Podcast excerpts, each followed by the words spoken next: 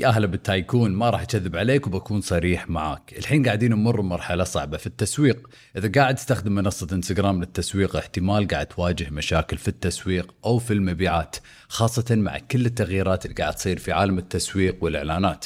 شنو الحل؟ هذا موضوع حلقة اليوم. درد الشو بالسيارة. استثمر في نفسك. ابدأ. تعلم. تغييرات بسيطة نتائج كبيرة. حياك الله يا تايكون بحلقة ثانية من برنامج دردشة بالسيارة. إن شاء الله قاعد تسمع هالحلقات بالسيارة أو لما قاعد تتمشى ولما قاعد تطبخ ولما قاعد تتمرن وهذا غرض هالبرنامج. معك أخوك عيد المجيبل وبهالبرنامج راح نسولف وندردش عن كل شيء يخص التسويق والمشاريع الأونلاين. فإذا كنت صاحب مشروع أو شخص يبي يبدأ مشروع هالبرنامج حقك. يعطيك العافية على وقتك وخلنا نبدأ الحلقة.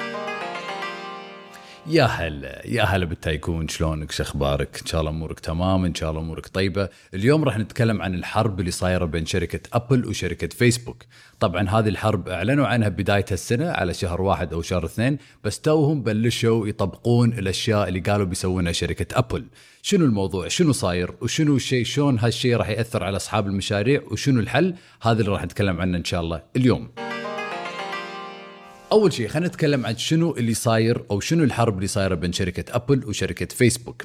في السنين اللي طافت شركة فيسبوك قاعد تجمع بيانات عملائها ال data بشكل كبير أكبر من أي منصة ثانية. قاعد تعرف معلومات عنهم بعد ما يطلعون من منصة فيسبوك. شركة فيسبوك تعطي كل مستخدمينها شيء اسمه فيسبوك بيكسل.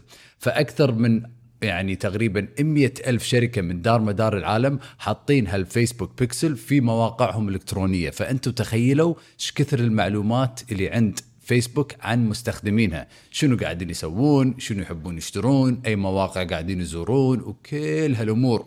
فهذا ليش وايد ناس عبالهم إن تليفونهم قاعد يتجسس عليهم. وهذا مو صحيح. هذا بسبب الذكاء الاصطناعي اللي قاعد تستخدمه فيسبوك أو خوارزميات منصة فيسبوك اللي هي تملك الإنستغرام. على فكرة يا شباب لما نقول منصة فيسبوك أقصد انستغرام وأقصد واتساب لأن هي شركة فيسبوك هي شركة الأم. عموما لأن شركة فيسبوك قدرت تجمع بيانات وايد عن عملائها الاستهداف في التسويق كان وايد وايد دقيق ووايد قوي فالمسوقين كانوا يشوفون نتائج كبيرة وسهلة لما يسوون حملات إعلانية. فشركة ابل بشهر واحد أو شهر اثنين بداية السنة أعلنت إنها راح تحجب الفيسبوك بيكسل تحجب شركة فيسبوك من جمع بيانات عملائها اللي قاعدين يستخدمون الأبل watch أو الأبل phone اللي قاعد يستخدمون آه، تليفونات الأبل ال iOS ما راح يقدرون يتبعونهم هال applications أو هالشركات التكنولوجية الكبيرة. وعلى فكرة أقوى قوة عند الشركات الكبيرة التكنولوجية هذه ال data والمعلومات. إذا ما قدرت تجمع المعلومات وانحجبت المعلومات وتسكرت يعني آه، راح تتغير بشكل كبير وراح تشوف نتائج يعني وخسائر كبيرة هالشركات الكبيرة. زين شلون هالشيء راح يأثر علينا كأصحاب مشاريع؟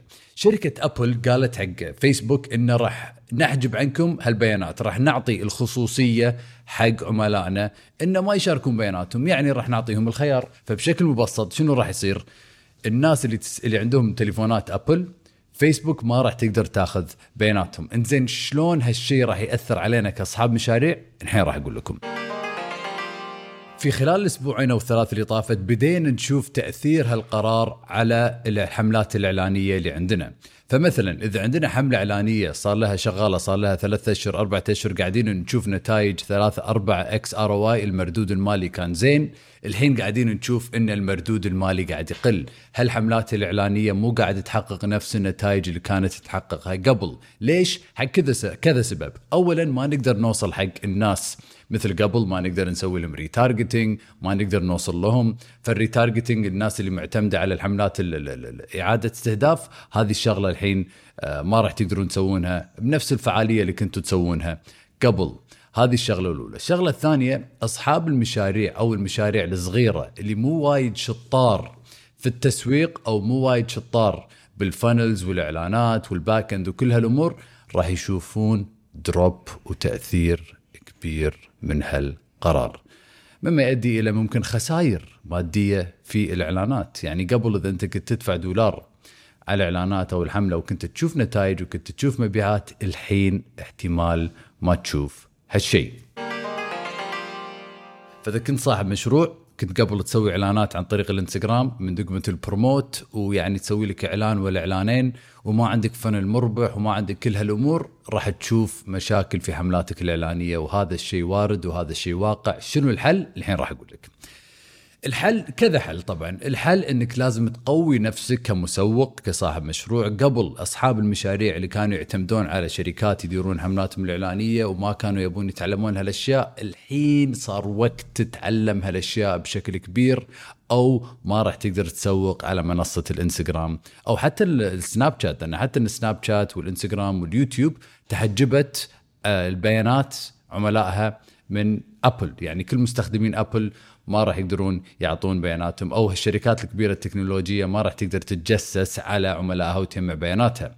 هذا شيء زين حق المستخدمين لأن يعني راح يكون عندهم خصوصية أكثر وأكبر. وطبعا يعني أنا برأيي الشخصي ما أشوف إنه شيء زين لأن أنت تبي تشوف إعلانات تناسبك وتناسب شخصيتك صح؟ يعني إذا أنت قاعد تستخدم منصة إنستغرام وأنت كنت ريال عمرك 35 تحب السيارات والرياضة وكل هالأمور ما تبي يطلع لك إعلانات عن الميك أب عن المكياج عن السفر عن أشياء أنت ما تحبها. فهذه ميزة البيانات إنه راح يسوي لك targeted ads specific targeted ads فراح يطلع لك إعلان يعني يناسبك ويناسب الأشياء اللي أنت تحبها. فهذا الغرض من فيسبوك كانت تجمع بياناتك.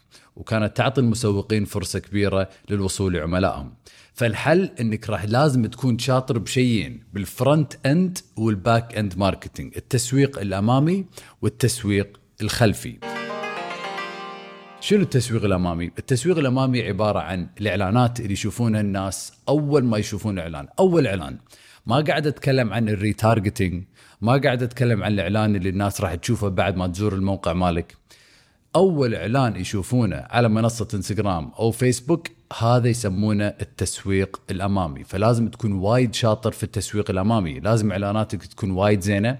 لازم تجرب أشياء وايد بالإعلانات. لازم تسوي split testing لازم تكون شاطر في ال design في المونتاج الفيديوهات. لازم تكون شاطر في ال copywriting ولازم تعرف عملائك عدل. عشان إذا وصلت لهم لأن احتمال ما توصل لهم مرة ثانية في إعادة استهداف إذا وصلت لهم تبيهم يضغطون على الإعلان أول ما يشوفون الإعلان من أول مرة. فهذا يسمونه التسويق الأمامي فلازم تركز على هالشيء خاصة الحين. يعني إذا أنت معتمد على إعلان واحد صار لك ستة أشهر ولا سنة ولاحظت أن هالإعلان الحين ما قاعد يجيب لك نتائج مثل قبل لازم لازم تسوي refresh حق ال creative حق الإعلانات وتجهز إعلانات ثانية. هذا التسويق الأمامي. ال front-end marketing شنو؟ التسويق الخلفي أو ال back-end marketing ال back-end الأشياء اللي تصير ما خلف الكواليس. بعد ما تاخذ بيانات عملائك بعد ما تاخذ إيميلهم رقم تليفونهم اسمهم كل هالأمور شنو راح تسوي أنت والفريق مالك بعد ما تاخذ بياناتهم؟ شلون راح تتواصل معاهم؟ شنو الإيميلات اللي راح ترسل لهم؟ شنو الخدمات والعروض اللي راح تقدمها حقهم؟ شلون تقدر تحول هالبيانات إلى عملاء؟ هذه شطارة.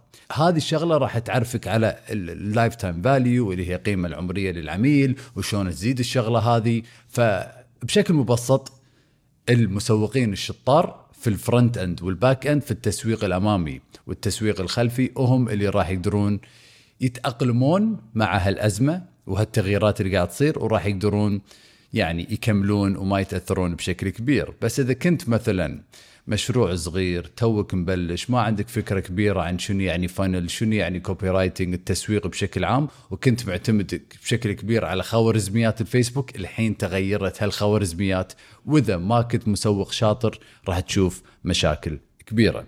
فأنا الحين بقول لك عن حل. إحنا نقدمه في شركة باندا ميديا بس هذه الخدمة وهذا الحل مو حق أي شخص ومو حق أي شركة. إحنا نقدم خدمات إن نساعدك في جمع بيانات عملائك وتبني علاقة معاهم خارج منصة الإنستغرام. نسوي لك كل الأمور التقنية اللي تحتاجها. ما تحتاج فريق إحنا فريقنا راح يكون فريقك. راح نسوي لك ال funnel راح نسوي لك صفحة هبوط راح نسوي لك ال email automation حتى الإعلانات راح نسوي لك إياها راح نسوي لك ال system بالكامل وراح نسلمك إياه عشان تقدر تجذب العملاء واللي أهم من جذب العملاء راح تاخذ بيانات عملائك عشان تقدر تبني علاقة معهم خارج منصة الإنستغرام. وطبعا بعدين راح تقدر تبيع لهم خدماتك ومنتجاتك وكل هالأمور. بس إحنا الحين قاعدين نقدم هالخدمة حق أصحاب الخدمات فقط. يعني إذا قاعد تبيع إذا كنت مستشار لايف كوتش آه، مختص في مجال معين محامي دكتور راح نقدر نسوي لك صفحة هبوط بسيطة يحطون بياناتهم عملائك تقدر تعطيهم شيء مجانا بمقابل بياناتهم أو نسوي لك funnel إذا عندك دورة اونلاين اسمها VIP funnel هذه الخدمة طبعا نقدمها وبس ناخذ خمس أشخاص كل شهر. إذا حاب تعرف أكثر عن هالخدمة tycoon تقدر تتواصل معي بالإنستغرام بالخاص وبس تدز لي كلمة funnel مثلا أو تدز لي نبذة بسيطة عنك عن مشروعك وإن شاء الله أنا والفريق راح نتواصل معاك بأسرع وقت ممكن. ولازم لازم لازم نشتغل على التسويق الخلفي ونفهم شنو يعني فانل عشان نقدر نتأقلم في خلال هالأزمة. وبس والله هذه كانت حلقة اليوم من برنامج دردش بالسيارة. إن شاء الله استفدت وإن شاء الله شفت المشكلة اللي قاعدين نشوفها الحين في عالم التسويق. وإن شاء الله كلنا راح نقدر نتأقلم مع هالمشكلة. أنا راح أسوي كل اللي أقدر عليه في برنامج دردش بالسيارة إني أفيدكم وأعطيكم كل المعلومات أول بأول بناء على اللي قاعد أقراه أونلاين واللي قاعد أطبقه في مشروعي مع مشاريع عملائنا. وراح أقول لكم إن شاء الله الحلول اللي تقدرون تسوونها في مشاريعكم. إذا حابين تشتغلون معي شخصيا مع فريقي باندا ميديا راح نقدر نسوي لكم كل شيء يخص الفنل ونساعدكم تتخطون هالأزمة إن شاء الله. بالتوفيق إن شاء الله وإن شاء الله نشوفك بالحلقة الجاية من برنامج دردش بالسيارة. حاب تكون عندك خطة واضحة لحسابك بالإنستغرام؟ أغلب الناس تصنع محتوى بشكل عشوائي بالإنستغرام وهذا ليش ما يشوفون نتائج. بس اليوم عندي لك هدية خاصة لأنك تسمع هالبرنامج ولأنك tycoon. الهدية عبارة عن خطة كاملة لحسابك بالإنستغرام وراح أعلمك سر التسويق والمحتوى. وطبعا الهدية مجانا عبارة عن جدول تطبعه وملف ثاني تسمعه. كل اللي عليك تسويه إنك تروح موقع aid PDF dot com A I D com وراح تاخذ الهدية على طول. مرة ثانية كوم. الرابط بعد موجود بحسابي بالانستغرام بالبايو. بالتوفيق إن شاء الله.